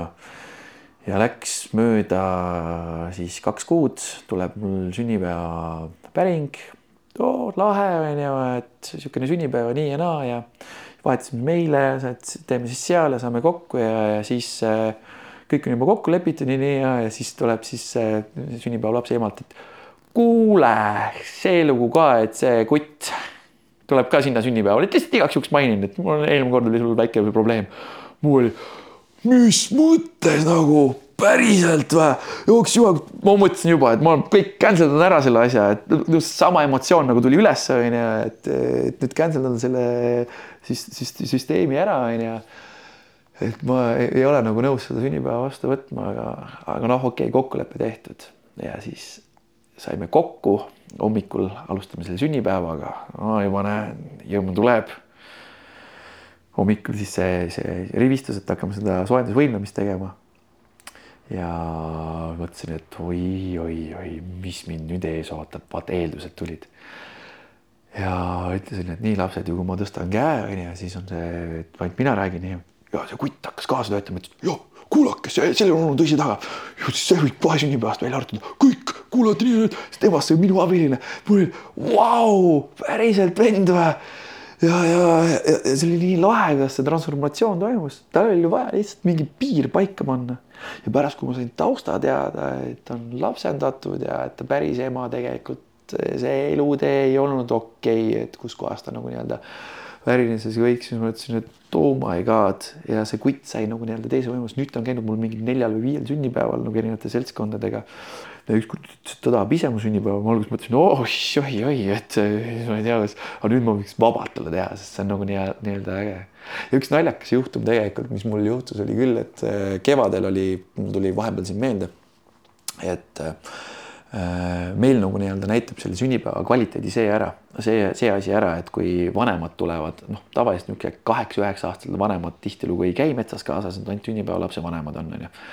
aga väiksemadel käivad ja siis, kui vanemad tulevad järgi nendele lastele ja kui nad ütlevad niimoodi, silmad suured peas issand jumal, sina küll autosse ei saa, sest need lapsed näevad tihtilugu välja nagu porikänkrad. paneme, pöördame, möllame igal pool, roomame, mässame seal metsas onju sina küll autosse ja siis mul on niimoodi, jess, see on korraliku sünnipäeva kvaliteet, noh, laps ikka näeb välja nagu ta oleks metsasünnipäeval käinud. ja siis kevadel oli Merimehe sünnipäev, tegime metsas, klassivennad, värgid, siukene esimene klass, uued kutid tulid sinna kohale ja klassiõed ja siis panime ka seal metsas nagu mõnusalt tullu. et Rauno veel tegi selle sünnipäeva, et ma ise ei taha enda lastele teha, et oleks nagu huvitavam neile, sest nad on nii palju seda kogenud ja, ja, ja siis mingi moment siis Katjuga vanemad vaatasime, issand jumal, meie lapsed, ainult silmavalged veel välkusid, onju mida, siis ma tundsin ise nagu lapsevanema, mis tunne see on, onju. ja siis see Madaliina, see kõige väiksem jookseb, issi, Kalli, mul on mm,, mm, ei, sa ei, sa, sa, sa ei, meil on siin koroonaaeg või midagi niisugust, distants kaks meetrit, ei, ei, ei, ei. ja ma kaalusin tõsiselt, et nüüd ma peangi need prügikotid välja võtma, et ühel sünnipäeval olidki lapsevanemad, tegid seda Pirital. lapsevanemad, noh, seal on vähe jõukamad inimesed tulid oma Porschede ja Ferraridega tulid lastele järgi ja siis sünnipäeva lapse ema jaotas neid sajaliitriseid prügikotte, kus lõigati siis kaelaauk sisse ja siis käteauk, lapsed said siis autosse minna, sest nad tilkusid porist. toimetada nii armas. ja, et siuksed, siuksed asjad tulevad äh,. südamlik äh, ja tore. eriti see, see lugu sellest poisist. ja, see oli. kes oli, selline paras äh, krutskid täis, aga. krutskid täis jah ja. ja. ma see... arvan, et äh, või noh, vähemalt mulle meeldib mõelda, et vahel täiskasvanud inimesed ka, kes on sellised konfliktsed või krutskeid täis, et nendel on ka mingi lugu, eks ole, et miks miks nad reageerivad mingitele olukordadele nii, et äh, tavaliselt on seal taustal mingi, mingi raske kogemus, mida nad võib-olla ei ole enda jaoks lahendanud et, et laps, lastega on sama mm. -hmm. et miks konfliktid tekivad, et tegelikult on inimeste nagu, mulle meeldib mõelda, et inimeste konfliktide taga on ilusad vajadused, mis on lihtsalt katmata jäänud mm. -hmm. Täpselt rahuldamata vajadused ja tihti need nagu nii-öelda äh, pärinevadki sealt sellest äh, lapsepõlvest, vaata, millest ma rääkisin, et äh, äh siin äh, paar aastat tagasi sattusime äh, suhteliselt sügavasse suhtekriisi Katjuga, et kohe nii sügavasse, et me pidime lahku minema peaaegu. Aga tema võttis selle otsuse, et ei lähe, korras on ju. ja kuidas see siis juhtus, ongi see, et, et kui me räägime sellest toetusest on ju. et me kutsume siis seda lapse kahte esimest eluaastat kutsume koomaperioodiks. et seal põhimõtteliselt on nagu lased nagu silmaklapid pead nagu koomas oleksid onju. et kutsume seda koomaperioodiks, et kus on väga palju laps tahab nagu seda energiat saada ja sa võid sinna nagu nii-öelda selle ära ennast kaotada sellesse ja sa võid ka suhte ära kaotada. Äh, ja me siis väljusime sellest koomaperioodist, kui Madeliin oli kaheaastaseks saanud ja ta sai lasteaeda minna ja meil tekkis siis see moment ja ressurss, kui me saime vaadata oma suhtele otsa. ja, ja see oli nagu nii-öelda kohutav moment onju et ma ei teadnud, et ma olen omadega sinnamaani jõudnud ja Katju ei teadnud ka omadega siin, et ma olen sinnamaani nagu nii-öelda jõudnud. ja energia oli kõik otsas, ma ei tundnud ühtegi emotsiooni, tunnet, kogemust ja mitte midagi, onju. Ja see päädis sellega, et ma nagu petsin Katju usaldust. aga kuhu me pärast jõudsime, kui me selle suhtekriisi lahendasime, et äh, me jõudsime mõlemad terapeudi juurde ja me ei hakanud seal terapeudi juures, me ei läinudki siukse jutuga sinna, et tee siis meie suhe korda vaid miks ma, mina isiklikult käitusin nii, nagu ma käitusin. miks ma tegin siukseid tegusid, mida näiteks tegi kunagi minu isa ja mida ma lubasin endale, et ma kunagi ei tee, et ma elan nagu teistsugust elu. aga ometigi ma olin nendele väärtustele hakkasin täiesti vastupidiselt tegutsema, ma täpselt kandsin nagu nii-öelda seda isa omaaegset mustrit. et miks, miks minuga niimoodi juhtus ja siis ma jõudsin selleni, selle mu sisemise lapseni ja jõudsin selle kohani, et miks ma ei ole näiteks osasid emotsioone tundnud. Mul tulin teist korda või esimest korda tulin selle terapeudi juurest tagasi, kukkusin põrandale, suure töö põrandale maha ja ma nutsin kaks tundi. lihtsalt nutsin, lapsed olid täiesti endast väljas, nad ei saanud aru, kus sissil valutab, mis toimub. Katju oli nagu, mis värk on, ta, ta, ma lihtsalt ei olnud suuteline rääkima. aga ma ei olnud kogenud seda emotsiooni ja valu. kasvasin perekonnas, kus oli neli venda. kõige armastusväärsem moment võib-olla oli see, kui sul päevas löödi ainult üks puukas onju, siis aga kui sa näiteks kukkusid või haiget said, siis tõuse püsti, sa oled mees, mida sa nutad. keegi ei teinud sinust väljagi, eks ju, sellised momendid ja siis sa pididki nagu õppima niimoodi elama, et sa ei koge valu. ja ma ei saanud tunda kolmsada kuuskümmend kraadi kõiki tundespektrit ja ma sain alles pärast sellest aru, läbi selle suhtekriisi ma sain selle kogemuse. ja kus me siis veel jõudsime sellega, oli see, et ma hakkasin rohkem uurima nii-öelda sisemise lapse kohta. see sisemise laps ja need kogemused, mis nagu nii-öelda sellest, miks me neid rõõme tunneme, miks me neid kurbused tunneme, miks me solvume just sellel hetkel, et kas vihastasin ja solvusin mina või siis minu sisemine laps. Katu tuleb koju mina, tuleb poest koju ma olin just enne talle öelnud, et ole hea inimene, too mulle poest see, konkreetselt see vorst, põdravorst, see on väga maitseb, too see asi. tuleb poest koju, on ostnud perele kolme päeva noh, või noh, isegi nädala söögi vist ostis jah, nädala söögi. ühesõnaga miljon asju onju, ostis sealt poest. Ja tuleb koju, ma aitan selle asju kappi panna, siis vaat, oot, aga kus vorst on mis toimub, kus, kus on vorst, ma palusin ainult ühte asja, ma palusin ühte asja sealt. ma unustasin muidugi selle kõik ära, sest ma rääkisin rämedalt nagu närvi, rämedalt solvusin selle peale, et ta ei pannud mind tähele, minu vajadust tähele, et ma tahtsin ju ainult ühte asja. aga tegelikult tal oli sada miljonit muud asja, vaata, mis peas oli ja mingid nimekirjad möllud olid, mis poes osta. ja loomulikult tal võis see meelest ära minna. ja, ja see on nagu tühine asi, mille pärast siis vihastada või solvuda pood on kahesaja meetri kaugusel, ma võin ise sinna minna sinna vorsti osta ja ei ole mingit maailma lõppu, aga minu maailm lõppes seal. ja siis äh, panin selle asja stopi peale, mõtlesin, pops, oot-oot-oot-oot-oot-oot-oot-oot, kes nüüd solvus, kas siis tollel hetkel ma olin kolmkümmend viis, kas siis, ei kolmkümmend kuus olin, kas siis see kolmekümne aastane Illimar või siis see kuueaastane Illimar. Ja ma jõudsin oma nii-öelda teekonnaga siis sinna, kus ma sain siis aru sellest, et ahaa, et minu ema jättis ostmata mul selle rohelise mudelauto, mida ma väga tahtsin ja ma solvusin selle asja peale, olin kurb ja tegelikult ei solvunud ikka kolmekümne kuue aastane mina, vaid see kuueaastane Illimar. ja kui sa selle momendi oled ära lahendanud, üllatus-üllatus, seda enam ei tule su ellu et seda konflikti enam ei teki, seda vajadust eh, ei pea sa enam rahuldama, sest sa said selle sõlme lahti. Ja sealt, eh, sealtpoolt see nagu nii-öelda hakkab nagu lahenema. et kui ma täiskasvanutele teen neid eh, laste sünnipäevasid, siis see natukene teise struktuuriga, et ta on veits hakkabki kraapima nagu nii-öelda seda aluspõhja. et me lähemegi korra nende mängude asjadega täiesti märkamatult, me jõuame siis sinna nende baasvajadusteni, näiteks tunnustamine, tähistamine siis tihti me unustame tähistada neid pisikesi võite ja siis me mõtlemegi, et no, me oleme nagu, ma ei tea, viimased luuserid on ju, et me ei saa nagu millegagi hakkama. Ja siis, kui me tunneme ennast viimase luuserina, siis see, et näiteks, et ma räägin seda juttu, ei tundu sulle eh, kui lapsevanemana inspireeriv, vaid sa tunned näiteks kadedust. Ja kadedust sind edasi ei vii.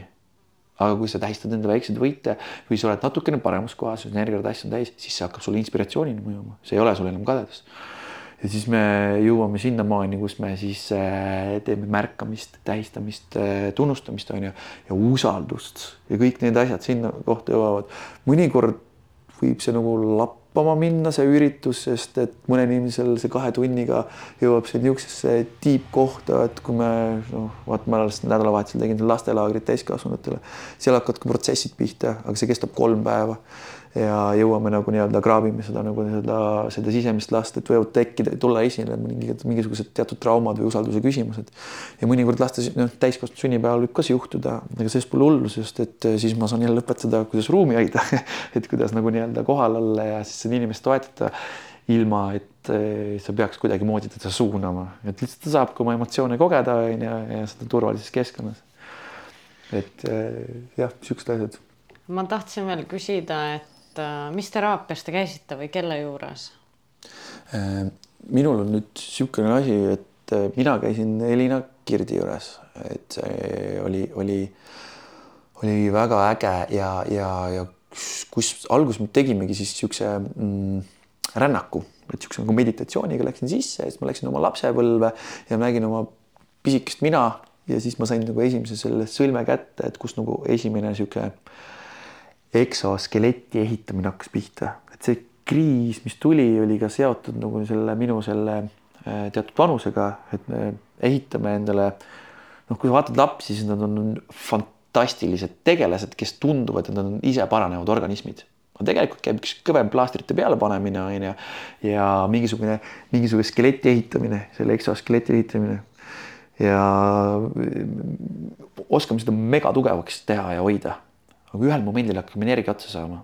tavaliselt juhtub see kolmkümmend pluss, kus hakkab tekkima niisugune väike identiteedi küsimus ja, ja sa tunned, et sa oleks nagu elus mingite asjadega juba nagu ühele poole saanud, mingisugused peod on peetud, mingi kodu on võib-olla kuskil rajatud, on ju, ja mingisugune pere on loodud ja siis, aga kus siis nagu edasi ja siis hakkab see energia otsa saama üldse nagu nii-öelda see drive ja siis hakkab see eksoskelett mõranema ja siis hakkab see sisemine haavunud laps, kes on nüüd plaasterdatud või sinna alla surutud, hakkab nagu välja tulema. siis ma jõudsingi selle lapseni ja siis sealt edasi ma läksin siis konstellatsioonidesse. ma ise nagu mingi energeetika ja värgid, et mis me siin räägime, mingid noh, ma ei tea, mingid väljad, asjad onju. veits tundus sihuke uuga-puuga onju, aga siis kui ma lihtsalt kogesin seda ja ise nagu nii-öelda läksin seal hingetasandil selle asja tegema, siis ma vaatasin, et oh my god, et olgu ta, mis ta on võib-olla minu ratsionaalne mõistus seda ei võta niimoodi kinni praegu. aga ma siin nüüd mingi lahendasin mingisugused asjad ära ja, ja siis pärast ma sain nagu nii-öelda mm, isa teemad lahendatud nagu, et mul ikkagi oli mingisugune jama selle papsiga ja ja et kuidas see terapeut mind sinna viis ja täna ma olen Elinaga väga hea niisugune tore sõber, et vahest me helistame, võime tund aega rääkida ja, ja mul on täna üks teine terapeut ka, Krisse, ma ei mäleta ta nüüd on teine nime, aga mis need terapeutidega on, et minu meelest on sama asi nagu üks trenni teed. et sa nagu hoiad oma füüsist korras, siis nagu korra poole aasta jooksul ikkagi võiks nagu käia seal. näiteks eelmine aasta sünnipäeva ajal no kõik elu on nagu nii ilusas kohe, tore lill ja näed, meil on siin suhtekriisist möödas kaks aastat ja kõik on nagu, nagu viimase peal on ja sa nagu tunned nagu teatud kergust ja kõike värki on ju ja siis Kati ütles, tead, ma kinkisin sulle sünnipäevaks nüüd selle terapeudi külastuse, ütles, et uh, ma ei tea, mis ma, mis ma, mis ma räägin seal on ju. Läks terapeudi juurde, rääkisin, kui hästi mul ikka on ja kõik on tore. noh, tead, nad küsivad ikka neid tead mingisuguseid küsimusi kuskil nurga alt on ju ja siis lõpuks ma olen seal toolis ja seitse põlve mingi isa energiat seal mingi vabastasime ja värki ja ja pärast tulin tagasi lihtsalt nagu õljusin ja tundsin, kuidas nagu nii-öelda seda inspiratsiooni ja jõudu oli palju rohkem.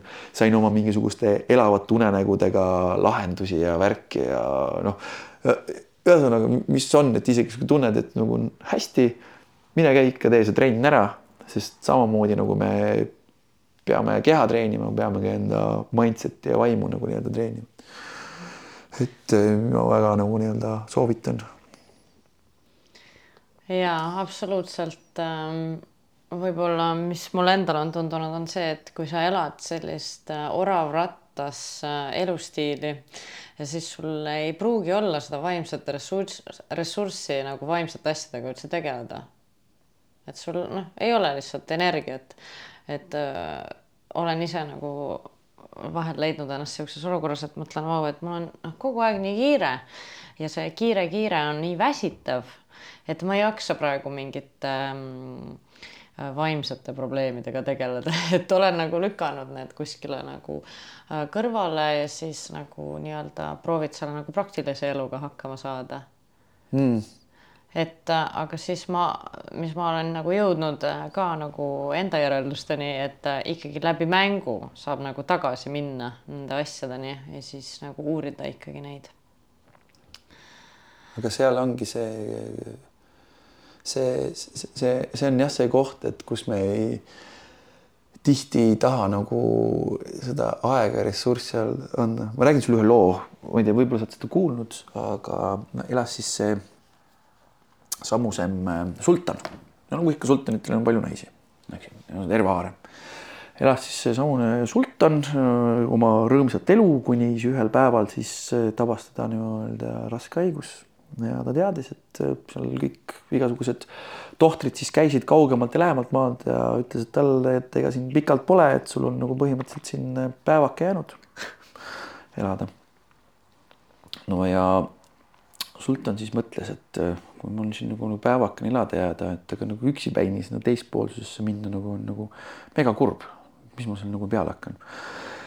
ja ta kutsus enda juurde äh, audientsile oma neli lemmiknaist, kes tal siis olid. kõige esimesena tuli siis kõige noorem. ja ta ütles sellele naisele, et niisugune lugu, et ma siis hakkan nüüd minema et ma armastan sind tohutult palju ja sa tead, et sa oled üks mu lemmikutest on ju ja, ja et aga kas sa oleksid nõus minuga nagu teisele poole kaasa tulema? see noor näiteks ütles, et kuule, see on nagu pea peale kukkunud kullakene, sa nüüd kohale lähed minema, mul on pikk elu veel ees on ju, mul on nii palju toimetamisi ja asju ajada siin, et kus ma saan sinuga nüüd, nüüd niimoodi teistpoolse tulla.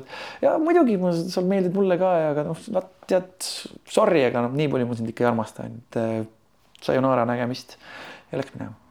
kutsus siis teise naise, kes oli natukene malbema iseloomuga ja ütles sellele teisele naisele, et ma nüüd hakkan minema, et kas sa siis, kas sa siis oleksid nõus minuga, minuga tulema. teine naine vaatas talle silma. oli kurb. ütles, et aga tead. jah, siin on küll väga tore ja kõik onju, aga tead on asju, mis on vaja siin veel edasi nagu nii-öelda teha ja jätkata, mis sa oma eluajal tegid ja ainult mina olen selleks õige inimene, et seda teha, et sinu nimi jääks kõlama ka järeltulevatele põlvedele. et ma ikkagi pean siia jääma. okei okay., kutsus siis kolmanda naise. kolmas naine tuli, silmad vees, juba ta oli kuulnud, et sultan on minemas. sultan ütles, et kallis, et ma väga armastan sind ja, ja mul on väga kahju, et mul kahe esimesega on tunduvalt rohkem aega veetud kui sinuga. kuid siiski, et kas sa oleksid nõus tulema minuga teispoolsusesse? see naine ütles muidugi, ma oleks kohe valmis seda tegema, absoluutselt kohe, kohe silmapilk. ja ma olen tohutult kurb, et ma seda ei teha ei saa. sultan ütles, miks sa ei saa seda teha? aga kes jääb meie laste eest hoolitsema, kes jääb selle lossi eest hoolitsema? sultan ütles, ja ma mõistan. Ja siis ta kutsus selle neljanda naise nende juurde. see neljanda naisega oli niimoodi, et tegelikult oli temaga üsna harva koos olnud. niisugune häbematult harva ja tal oli isegi natuke piinlik, et, et nüüd niisugusel raskel hetkel ja et sind kutsub ja kutsus selle neljanda naise. neljas naine tuli Malvelt. ja kõigepealt palus ta käest andeks, et vabandust, et ma sinuga nii vähe olen koos olnud. Aga mul on nagu väga piinlik selle pärast, aga, aga kas sa tuleksid minuga sinna teispoolsesse kaasa, et ma hakkan nüüd surema. siis naine vaatas talle otsa ja ütles muidugi tulen. ainult mina saangi tulla. ja aitäh, et sa mind praegu märkasid. ja ma olen sulle andeks, et sa minuga koos ei olnud. ja nii sultan läkski ja võttis selle naise kaasa. see esimene naine, kelle sultan tahtis kaasa võtta. See, muideks see sultan oled sina. Ja sultan olen mina. sultan on kõik, kes seda kuulavad praegu. See esimene naine, eh, kelle sultan eh, tahtis kaasa võtta, see on siis nii-öelda see meie materiaalsus, meie materiaalsed asjad, mingisugused, ma ei tea, majad, korterid, riided, asjad. vot ei ole siiamaani õnnestunud kellelgi seda nagu seal teisel pool kaasa võtta kuidagimoodi, võib-olla need vaaraod siis on üritanud seda niimoodi teha, aga näed, ei ole saanud, onju. ikka kaevatakse need hauad üles ja läheb laia maailma laiali. see kolmas naine teine. või teine naine, teine naine jah, see teine naine, see teine naine, see oli siis äh, see elutöö, mis me nagu nii-öelda siis maha jätame. et kõiksugusemad äh, mälestused, lood, kas on üles kirjutatud või siis äh, pärimused ja kõik siuksed asjad on ju, et need paratamatult ei saa nagu kaasa tulla, aga need elavad edasi meie lastes ja lastelastes ja või, või kui sa oled tuntum inimene, siis räägitakse, ma ei tea, Elvis on ju, siiamaani kuuldatakse laul ja kõik on ju, seda ta kaasa ka ei, ei saa võtta. ja see kolmas, kolmas naine, kus me noh, need esimese kahe peale me pühendame päris palju oma aega, on ju, kui me räägime aja võtmisest. see kolmas naine, see on siis meie füüsiline pere, meie perekond. eks ole proovitud neid kaasa võtta, aga ei saa, ei saa ja ei saa kuidagimoodi minna, et no nemad jäävad maha, et no muidugi on kurvad, loomulikult nii mõnigi tahaks seda teekonda jätkata, aga see on üks eluring, paratamatult me sünnime ja sureme. ja see neljas naine, see ongi siis meie hing. ja tihti meie hing, meie vaim. ja see on see, kes tuleb, see, kes läheb kaasa. Ja siis tihti on kuidagi niimoodi juhtunud, et me üsna vähe pühendame tähelepanu talle. mina avastasin siin aasta tagasi nüüd selle tõsiasja, et ma lähen katki, kui ma ei võta aega. ja ma, ma, ma kartsin seda aega võtta. hea sõber Erkki Kaikonen on praegu samas seisus, et ütles, et ta pool aastat pole saanud aega nagu endale võtta ja ta tunneb ennast nagu vahepeal nagu ikkagi väga endast väljas. ja ka mina tundsin ja see tuleb sellest, et niisugune häbitunne tekib peale, et kuidas ma siis lähen kodust ära, et mu naine jääb siin kolme lapsega, onju. et mina saan ennast laadida niimoodi, et ma lähen päriselt üksipäini metsa. ma lükkan selle telefoni välja või jätan üldse autosse, lähen sinna metsa ja istun tundide kaupa seal selle paganama lõkke ääres. ja ootan, et mul hakkaks mega igav, ebamugav. eelmine sügis ma mäletan, ma olin päris katkine, ma tundsin seda koroona ärevust ja värki.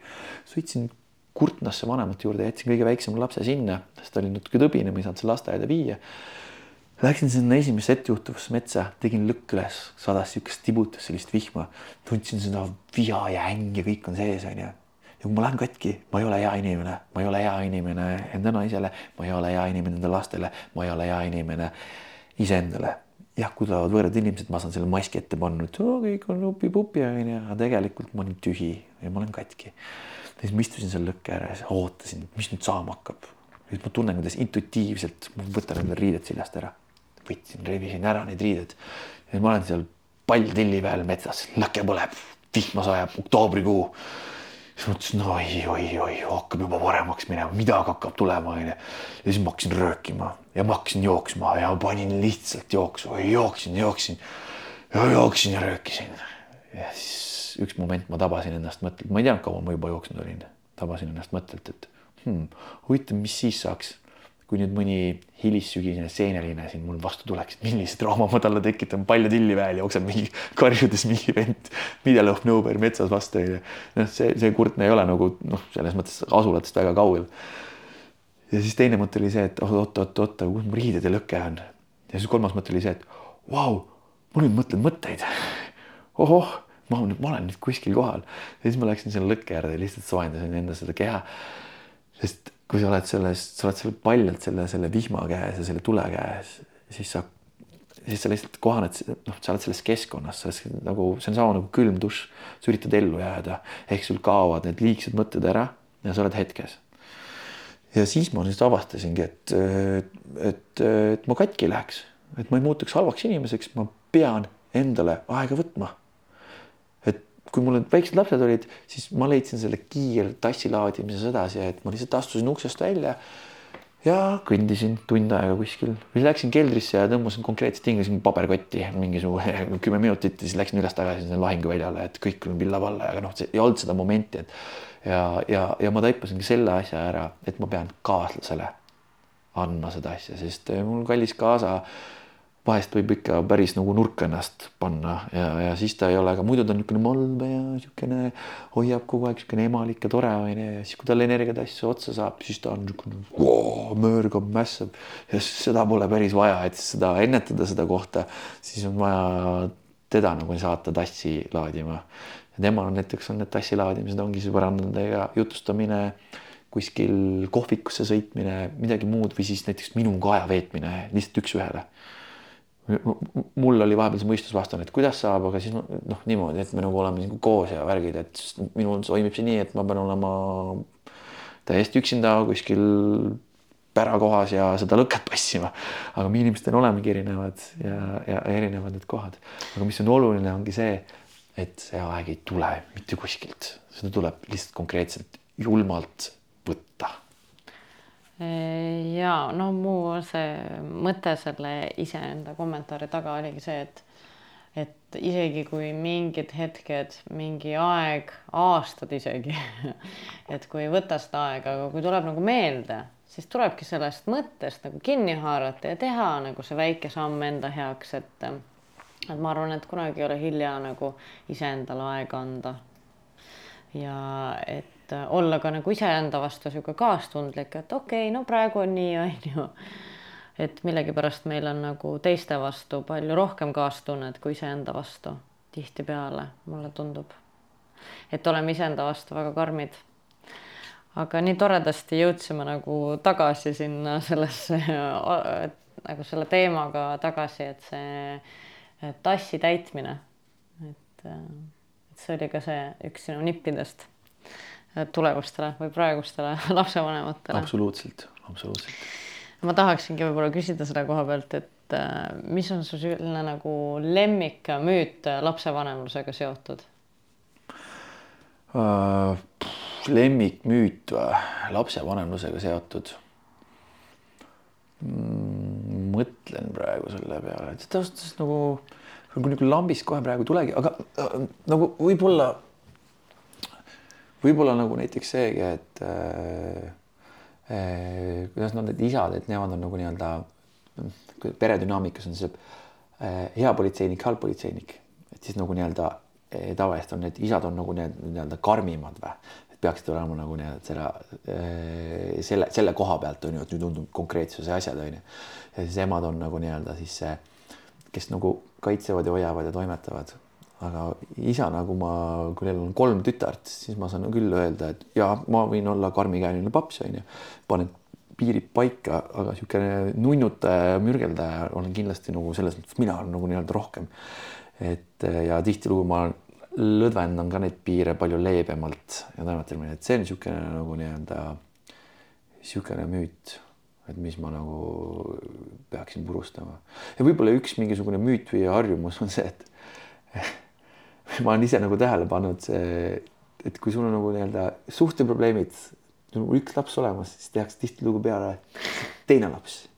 ärge tehke, ajage kodus see värk korda, et, et siis mõeldakse, et me kulutame, paneme selle energia nüüd sellele teisele lapsele onju, et siis on nagu, siis on nagu kõik hästi jälle, et siis me oleme seal koomaperioodis onju, siis me ei pea nagu enda suhtega tegelema ja siis on nagu tore. aga katkisesse perekonda ei ole pointi nagu juurde seda last teha, et lihtsalt see on ka niisugune, niisugune kuidagi muster või on tekkinud aga muidu lähevad ju need kolm aastat mööda, et ema palk äh, ikka jookseks edasi. ja ei no seda küll jah, ei, see on kindel, et ema palga pärast tuleks kindlasti nagu nii-öelda panna ja, ja tegelikult, kui see laps tuleb, tegelikult kõik läheb ju paremaks ka, et siis, et äh, noh, et mina saan koju jääda ja mees läheb jälle tööle ja siis on nagu tšillivilli, eks ju. aga ja ei, see ei, ei toimi. see on päris hea müüt. see on päris hea müüt, see, see nagu ei toimi siis ma tahaksin äh, veel küsida su käest, et kui sa nüüd saaksid panna linna peale ühe plakati, äh, mis sa kirjutaksid sinna? sest plakat on suur. plakat on suur või? jaa, kõik ja. näevad. kõik näevad või hmm.? ma arvan, et ma kirjutaksin sinna mingisugune siukse slogani, et äh, et elage täiel rinnal oma elu. ja laske teistel elada et lihtsalt paneks mingi siukse asja või et, et ma kunagi, kunagi, kui ma rongiga sõitsin, siis oli üks väga hea, väga hea graffiti, niisugune hästi kehva käega oli kirjutatud, aga mis elu, eluaeg on nagu Kristiine peatuse juures oli seal Lillekülas oli oli see, et mis lännu see lännu, igast puust saab kord kännu. See on super elufilosoof. võib-olla paneks selle. Mis te nutate, pange edasi, alati on uus võimalus, alati on mingisugune lahendus mingisugustele asjadele ja et, et lihtsalt nagu elu nautida ja mässata, et ei ole mõtet seal sonkida enda vanades asjades ja ja võtta kõike uut vastu ja tulgu, mis tuleb, mingu, mis, mis minema peab, et see mingi, mingi siukse, mingi siukse slogani elu jaatav ähm, Telliskivis mingil laste mänguväljakul oli kirjas äh, ka nagu suvalise halva käekirjaga selline liht-, lihtne, et võta või jäta. jah, vot, vot, vot, vot. midagi sellist. jah, ülilihtne ja mõnus siukene hea slogan. ja, no nii tore on olnud sinuga rääkida, võiks äh,, kindlasti oleks sul palju teemasid, äh, mida mida, millest rääkida ja mõtteid, mida seedida. aga väga tore äh, oli sinuga suhelda. sinuga ka, Sof, ma olen väga tänulik, et sa kutsusid. et ma ise tundsin, et, et sa nagu püüdsid mu mõtte niimoodi juba poole pealt äh, kinni, et noh, kuna me oleme sinuga vanad tuttavad, me seda alguses ei öelnud et väga tore on olnud jälgida sinu tegemisi ja minu meelest sa oled nagu tõeline life coach suurtele ja väikestele oh,. aitäh, aitäh, tore, et sa märkad. kuidagi see, kuidas sa kõik need äh, kontseptsioonid niimoodi omavahel nagu seod, äh, pakid, pakid ära, seod äh, lipsu peale. et mõned need, keda sa mainisid, ähm, mõtlen, et sinu inspiratsiooniallikad ma panen ka siia meie väikse postituse alla kirja ja sinu Instagramile viitame ja mm. -hmm, väga uhke ja ma ikka kindlasti jagan enda kanalites ka seda. okei, aga suur aitäh sulle, aitäh kuulajad, et äh, võtsite aega kuulata meid. aitüma, aitäh kutsumast.